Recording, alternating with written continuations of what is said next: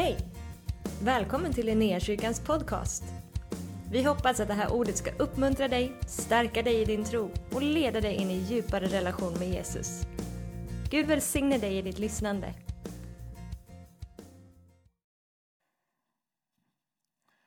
Amen och tack så mycket Lukas och gänget. Eh, vi lever under en tid som på något sätt, får man kalla det begränsad. Ehm, är men i alla fall lite, lite eh, inträngd. Lite, men det känns liksom inte som att nu ska ut och springa på och möta alla människor och kramas. Utan någon form av begränsning där man in, kanske inte inlåst i sitt hem hela tiden men det finns någon form av begränsning. Eh, så jag tänker så här, att jag skulle vilja tala om eh, min Gud. Ehm, Gud för han finns inga begränsningar. Han är inte inlåst. Han är inte instängd. Han har eh, koll på läget. Så här, eh, för med mig till Saltaren. Saltaren 139. Herre, du utransakar mig och känner mig. Om jag sitter eller står vet du det. Du förstår mina tankar fjärran ifrån. Om jag går eller ligger utforskar du det och med alla mina vägar är du förtrogen. Innan ett ord är på min tunga vet du, Herre, allt om det. Du omsluter mig på alla sidor och du håller mig i din hand. De här orden ifrån salmisten. Tänk om de bara fick på det sättet som det är menat. Att få verkligen omsluta dig och mig och säga att det här är vad Gud vill att du ska förstå. Eh, att du skulle få känna det, att du skulle få erfara det i ditt liv. Att jag skulle få erfara det i mitt liv. Ehm, jag har ett problem och jag är helt ensam om det i hela universum. Eh, och det är att jag ibland har bråttom. Eh, det, vad jag har förstått så är det nästan ingen som har det problemet. Det är en stor, svår sjukdom. Men, ja, men, men, men, men så är det tyvärr. Och det som blir det ännu mer komplicerat med den här sjukdomen som jag har, att jag har bråttom, det är att det verkar som att Gud inte har speciellt bråttom. Den är, den, den är liksom lite, lite svår för mig att få ihop. Eh, I somras här så åkte vi ut till öarna här ute i Göteborgs skärgård. Och ska man ut till eh, liksom, en ö, till exempel Björkö, så är det otroligt enkelt för att det är bara en färja. Ja, missar du en så är det liksom helt okej, okay för du får stå där och vänta på en färja Men om du ska till Kalvsund ifrån Björkö så ska du vänta på nästa färja och de går inte hela tiden. Helt plötsligt så blir det denna eh, jag har bråttom för jag måste till den här. Och så, du blir bara så begränsad i livet. Detta är bara en liten, liten patetisk del utav, eh, utav liksom livet. Men eh, ack så frustrerande. Den är, liksom, den är så påträngande. Den blir där. Vi sitter nästan i bilen och käkar upp varandra. och Det är, liksom, är Coca-Cola-flaskor som flyger. Det är allt möjligt som händer där i, den, i denna lilla bilen för att vi har bråttom, vi är frustrerade. Eh, men om vi skulle bara vidga det här lite större. Ehm, våra liv ibland är på det sättet i kvadrat med faktiskt verkliga problem. Men häng med mig till ett bibelställe till i Predikaren. Om du är van i din bibel och du hittade Saltaren så har du sen Ordspråksboken och efter Ordspråksboken har du Predikaren. Och I kapitel 3 så står det så här i eh, den första versen. Allt har sin tid. Allt som sker under solen har sin stund. Du vet att vår, sommar, höst, vinter eh, alla dessa liksom årstider bär med sig någon form av känsla. Eh, om jag säger en kopp te, tända ljus, en varm brasa Eh, så är det någon av er som direkt tänker på hösten, andra kanske tänker möjligtvis på vinter. Eh, pratar jag blommor så börjar du tänka på våren och så får man den här känslan. Eh, och varje tid bär med sig den här känslan. Varje tid har sin betydelse. Eh, tänk så här, om det alltid vore fest så är det ju frågan om, om, om, om fest blir fest. Är det inte så att om det ständigt och jämt är fest, då blir festen en, en vardag? Den eh, liksom blir ingenting. Nu, i den här tiden, så är det så att våra mönster och våra rutiner har på något sätt blåst omkull. Och vi skakas på det sättet. Eh, kanske inte nu, för nu har vi haft den här pandemin i ett år, men precis i början, det var som att insidan och utsidan var i fullständig kollision med allting som fanns i det här universumet. Och vi kämpade verkligen för att ta oss igenom. Ta bara den här saken med kalender.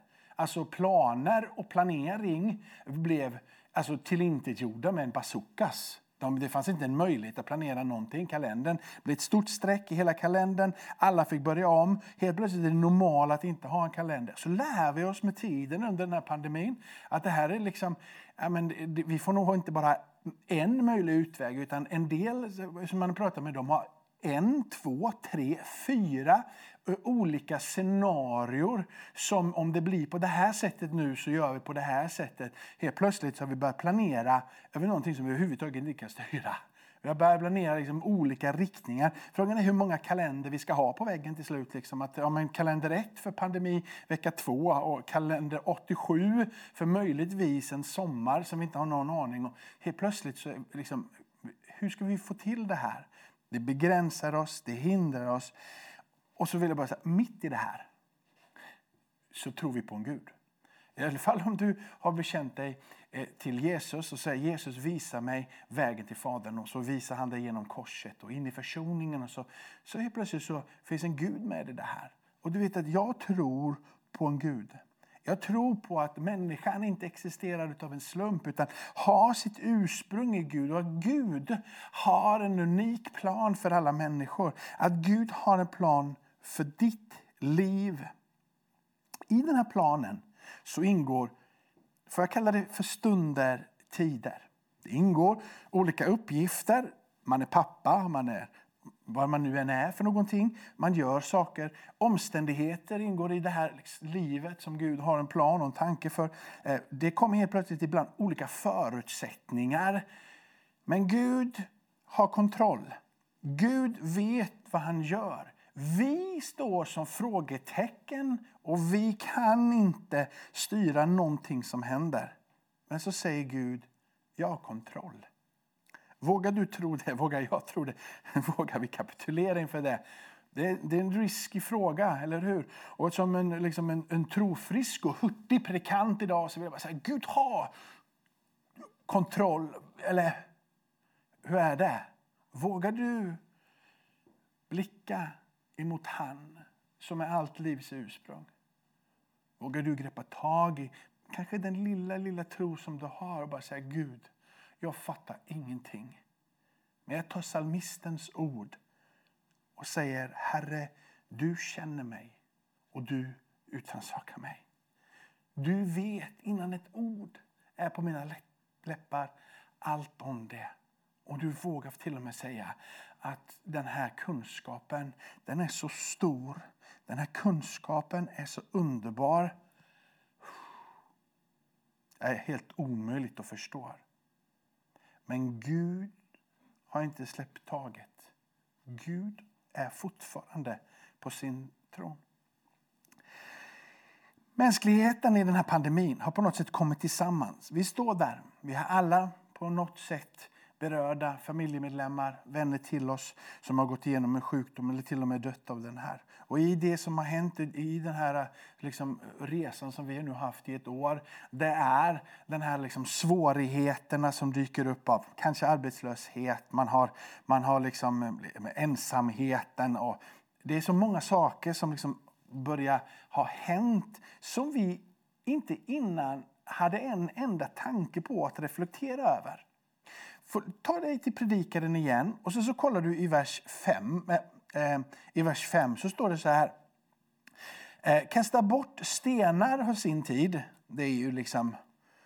Jag fattar inte den, men det, men det fattar du. Du, har ju så, du det är bara hemma, du bara känner det där var starkt. Och samla stenar har sin tid. Eh, men sen så står det så här.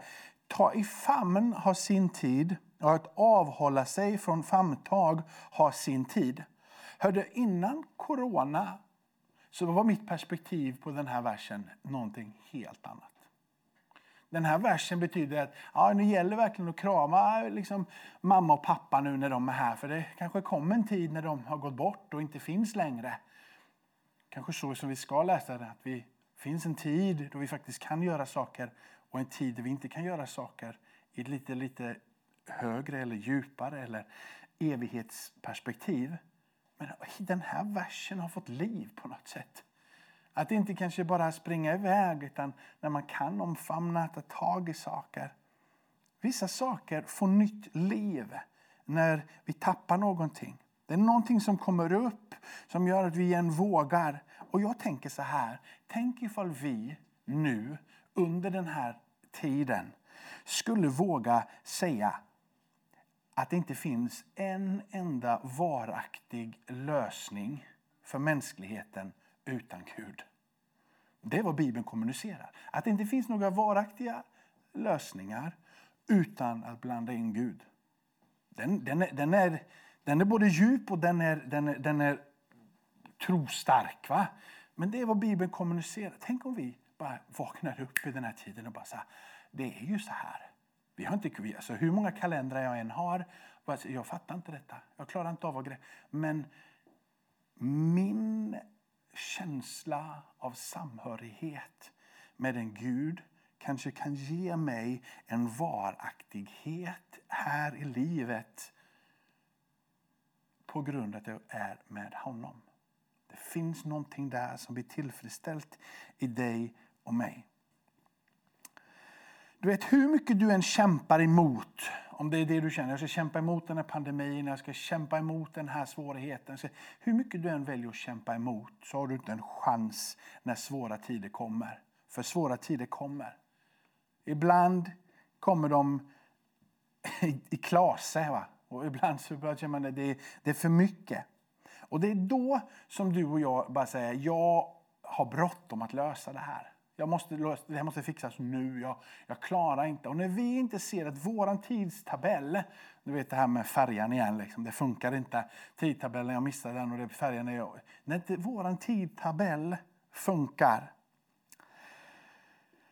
mot Guds tidtabell så kommer en osäkerhet in i bilden. En osäkerhet över, är Gud verkligen med oss? Är Gud, Gud mäktig att kunna gripa in? Vill Gud gripa in? Har han lämnat mig i sticket? Är han inte liksom där för mig överhuvudtaget? Men Gud agerar. Han agerar när vi närmar oss honom. I våra böner så vill han vara där och han vill tala till dig. Han lovar till och med att han ska svara oss. Han lovar att möta våra behov efter sin perfekta plan och för att säga sin perfekta tidtabell. Min pappa, en otroligt intelligent man. Eh, han, men när jag var liten var jag oerhört frustrerad på honom. Eh, för han, han hade ett mantra som han upprepade över mig om och om igen. När jag sa att jag har bråttom, jag vill att det här ska hända nu. Min tidtabell. Så sa han ett ord tre gånger. Han sa tålamod, tålamod, tålamod. Och Det här var ju oerhört frustrerande. Men tänk om det är så här. Tålamod är ju en del av det livet som du får när du lever med Gud. En andens frukt. Tänk vad det är så här, att precis på samma sätt som att när det är kallt ute, vad gör du då? Äter på med en jacka. Eller hur? Och när du tar på dig jackan så känner du värme. Tänk om det är så när, när, stressen kommer, när frustrationen är där, när du känner att jag vill att det här ska vara löst nu, nu, nu, nu, nu. Att du fick ta den här jackan som heter tålamod. Och så bara ta den här jackan på dig. Så säger Bibeln att där på den platsen så finns det någonting som klär dig på, av värme, av frid på insidan. Det finns en hemlighet att finna frid med Gud. När du upptäcker den här friden tillsammans med Gud så blir det som att du kan acceptera och glädja dig i att Gud har en fullständig koll på situationen trots att du inte ser det. Att få upptäcka att Gud har kontroll sker genom bevarelsen och vägen till honom genom hans son. Där erfarenheten väcks till liv. Jesus säger så här, bland annat Han säger så här, vandra i ljuset ifrån Johannes 11. Han säger, han säger så här, vandra i ljuset, alltså vad säger han? Han säger kunskapen om Gud. Var där. Var i kunskapen om Gud och hur Gud leder. Och så säger han att den som vandrar i mörker, och då skulle jag vilja säga alltså frånvaron utav kunskapen om Gud, han snavar. Så den som vandrar i ljuset, han kan liksom vandra på. Men den som vandrar i mörker, han snavar. När du får erfara, inte intellektuellt, inte genom att du kan rabbla massor med bibelord eller kan, kan liksom hebreiska och förstå gamla testamentet. Liksom, utan när du får en erfarenhet av Gud, där du kan förstå och känna Gud du vet, Gud är ande, så du kan inte lägga honom i en box och du kan inte förklara honom. Han är bra mycket större än så. Men du kan erfara honom och på så sätt förnimma honom. Och när du förnimmer honom så förstår du hans hjärtas intentioner. Du känner, även om du inte kan fatta det, att han är allt livs ursprung. Att han är den enda sanne, allsmäktige guden. Vandra i mörker? Nej, vandra i kunskapen, alltså vandra i ljus. Om vi snavar, som det står här, att vandrar du i mörker så snavar du. Om vi snavar, trilla, över sanningen om att Gud har kontroll och istället börjar tvivla. Du börjar säga att han har nog inte riktigt sån kontroll som han säger att han har. Utan det är nog liksom lite halv, halvdant med den där frågan. Och så börjar du snava över den kunskapen som Gud adresserar. Sån här är jag. Så är det lätt Um, ska vi säga, du, du leder till ett missmod i din relation eller din längtan efter Gud. Missmod i sin tur det kommer leda till att du planlöst vandrar omkring utan Guds ledning och utan längtan efter att få bli ledd. Livet, tyvärr, måste jag säga, är inte bara glädje. Livet är sorg och ibland så fattas det oss mer än vad vi orkar bära. Men om vi vågar omfamna livet, att göra rätt sak i rätt tid, att vi vågar adressera kunskapen om Gud och omfamna och ta tag i det, så kanske vi kunde få komma i takt med Guds tidtabell. Gud är inte begränsad, trots att vi är det. Paulus, denna man som har blivit lite, lite äldre när han skriver eh, brevet till Timoteus. När han, skriver, han, har liksom, han har fått lite annat grått hår på huvudet. Han har gått igenom en och annan sak. Han, han börjar faktiskt se att nu nalkas snart döden.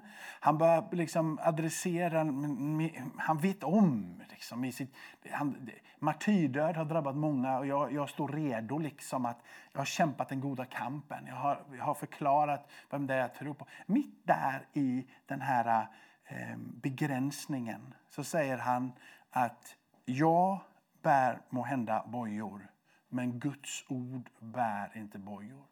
Guds väldiga kraft bär inga bojor. Guds väldiga kraft tränger in där människor vågar hänge sig till honom. Guds väldiga kraft kan ingen stoppa. Guds väldiga kraft är där, mitt när du sitter i karantänen, när du är sjuk, du är förtvivlad, du är besviken. Guds kraft finns tillgänglig för dig mitt där när allting tränger sig på. Det han vill är att du ska inbjuda honom och be till honom.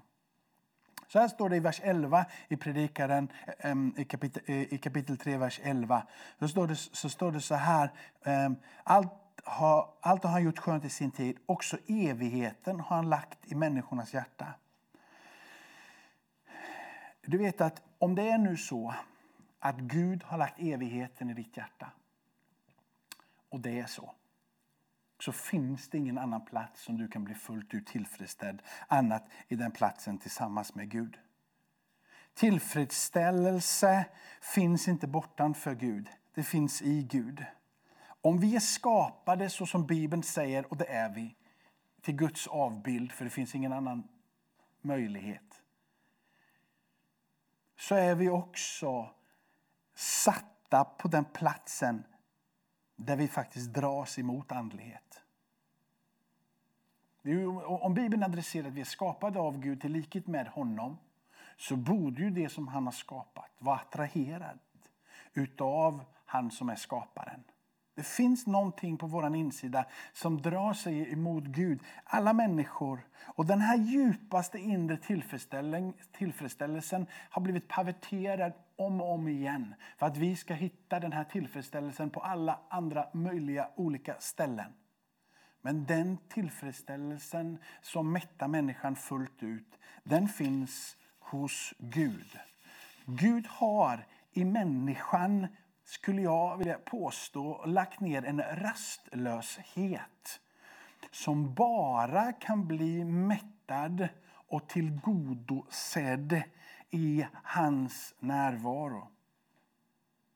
När verkligheten om Gud och hans existens genom att vi får möta med honom genom Jesus så är det någonting som faller på plats på vår insida. Vi kanske inte kan se framtiden och vi kanske inte alltid kan förstå vidden utav Guds härlighet. Men den praktiska tillämpningen utav våran tro när vi praktiserar vår tro och rör oss in på den platsen där vi möter med honom så kan vi långt innan vi går in i den eviga härligheten leva med kunskapen om Gud här och nu och Guds ledning. Vi kan ära honom genom att utföra det uppdrag som han har satt oss att göra och förvalta den här jorden och att finna honom genom hans son och tala om det för alla andra. Du vet, Gud känner dig. Om du sitter eller står så vet Gud om det. Han vet om dina tankar. Om du går eller ligger så vet han om dina vägar. Innan ett ord är format på dina läppar så vet Gud det. Han omsluter dig på alla sidor. Han håller dig i sin hand. Att få veta det här, att få det som är kunskap om Gud, det är så stort så jag skulle vilja säga att det är orimligt. Men Gud säger det. Då är det så. Min vän, Gud har en plan för dig. Gud har en tanke med ditt liv. Han vill inget annat än att du ska komma till honom. Vägen till honom, att du ska förstå den här planen och våga lägga ditt liv i hans händer har blivit tillgängligt genom Jesus. Det namn som är över alla andra namn. Låta Jesus få bli din frälsare och låta Jesus få bli din Herre. Där är vägen, dörren in till kunskapen om Gud och bli fångad utav Gud själv in i kunskapen om att det finns en Gud som känner dig. Och han känner dig väl. Han vet allt om dig. Amen. Jag hoppas att det kunde få vara omfamnande ord. Inte bara trostärkande ord i den här liksom, tiden utan omfamnande ord där du kanske idag bara känner att jag är trött. Jag orkar inte. Liksom. Att du skulle bara få känna dig omfamnad. Vissa tider så bara vill vi så gärna bara, Gud är med dig, gå vidare, tro, sträck dig framåt. Men om den här predikan idag kunde bara få tala om för dig att du kan få komma i synk med Guds tidtabell. Så låt mig be tillsammans med dig eh, här och sen så leder Lukas oss vidare i lite, i lite musik här tillsammans med, med, eh, med sina vänner här från kyrkan och så ehm, eh, och så kommer vi tillbaka och så har vi lite mer bön här på slutet. Jag tackar dig Fader i himmelen för att du frälser idag. Att vi får eh, så här, vi sätter vårt hopp till Jesus. Vi sätter vårt hopp till korsets kraft. Så jag ber för mina vänner som är där hemma och som tänker att ah, jag måste pröva det här. Finns det en Gud som kan omsluta mig på alla sidor? Så ber jag för den personen, de personerna, att de den här stunden skulle säga Jesus om du är verklig, kom in i mitt liv. Jesus om du är sann, kom in i mitt liv. Jesus om du verkligen har dött och du har uppstått för mig och du sitter på Faderns högra sida. Jesus kom in i mitt liv. Jesus visa dig för mig. Jesus bli verklig för mig. Jesus jag vill fånga dig, jag vill vara med dig. Jag vet om du bara bett de här bönen, kanske inte exakt som mig, men du har ändå sagt Jesus. Så är han närmare dig än din egen andedräkt. Han är där. Han vill vara med dig. Och du vet, Jesus älskar dig. Amen. Har du bett den bönen? Så har du faktiskt du har, du har tagit emot Jesus i ditt hjärta. Du, är, du har blivit det som Bibeln säger, frälsta. Det låter konstigt. Där kan du få ta reda på vad det betyder. Det ska inte jag göra för dig här idag. Men Gud välsigne dig och så får Lukas leda oss vidare. Tack för att du har varit med oss. Hoppas du känner dig inspirerad av Guds ord och har fått nya perspektiv. Hör gärna av dig till oss och berätta om Gud har rört vid dig på något sätt. Vi är så glada att få höra vittnesbörd om vad Gud gör. Du kan mejla oss på adressen info och dit kan du även mejla om du har ett böneämne som du önskar att vi ber för. Eller om du har tagit emot Jesus och inte har någon bibel så vill vi mer än gärna skicka en bibel till dig. Skicka ett mejl med ditt namn och dina adressuppgifter till info så ser vi till att du får en. Om du vill ge en gåva till Linnéakyrkans arbete för att nå fler människor med evangelium så kan du swisha till 123 520 0993. Du kan också besöka oss på linneakyrkan.se för att få mer information. Välkommen tillbaka att lyssna snart igen.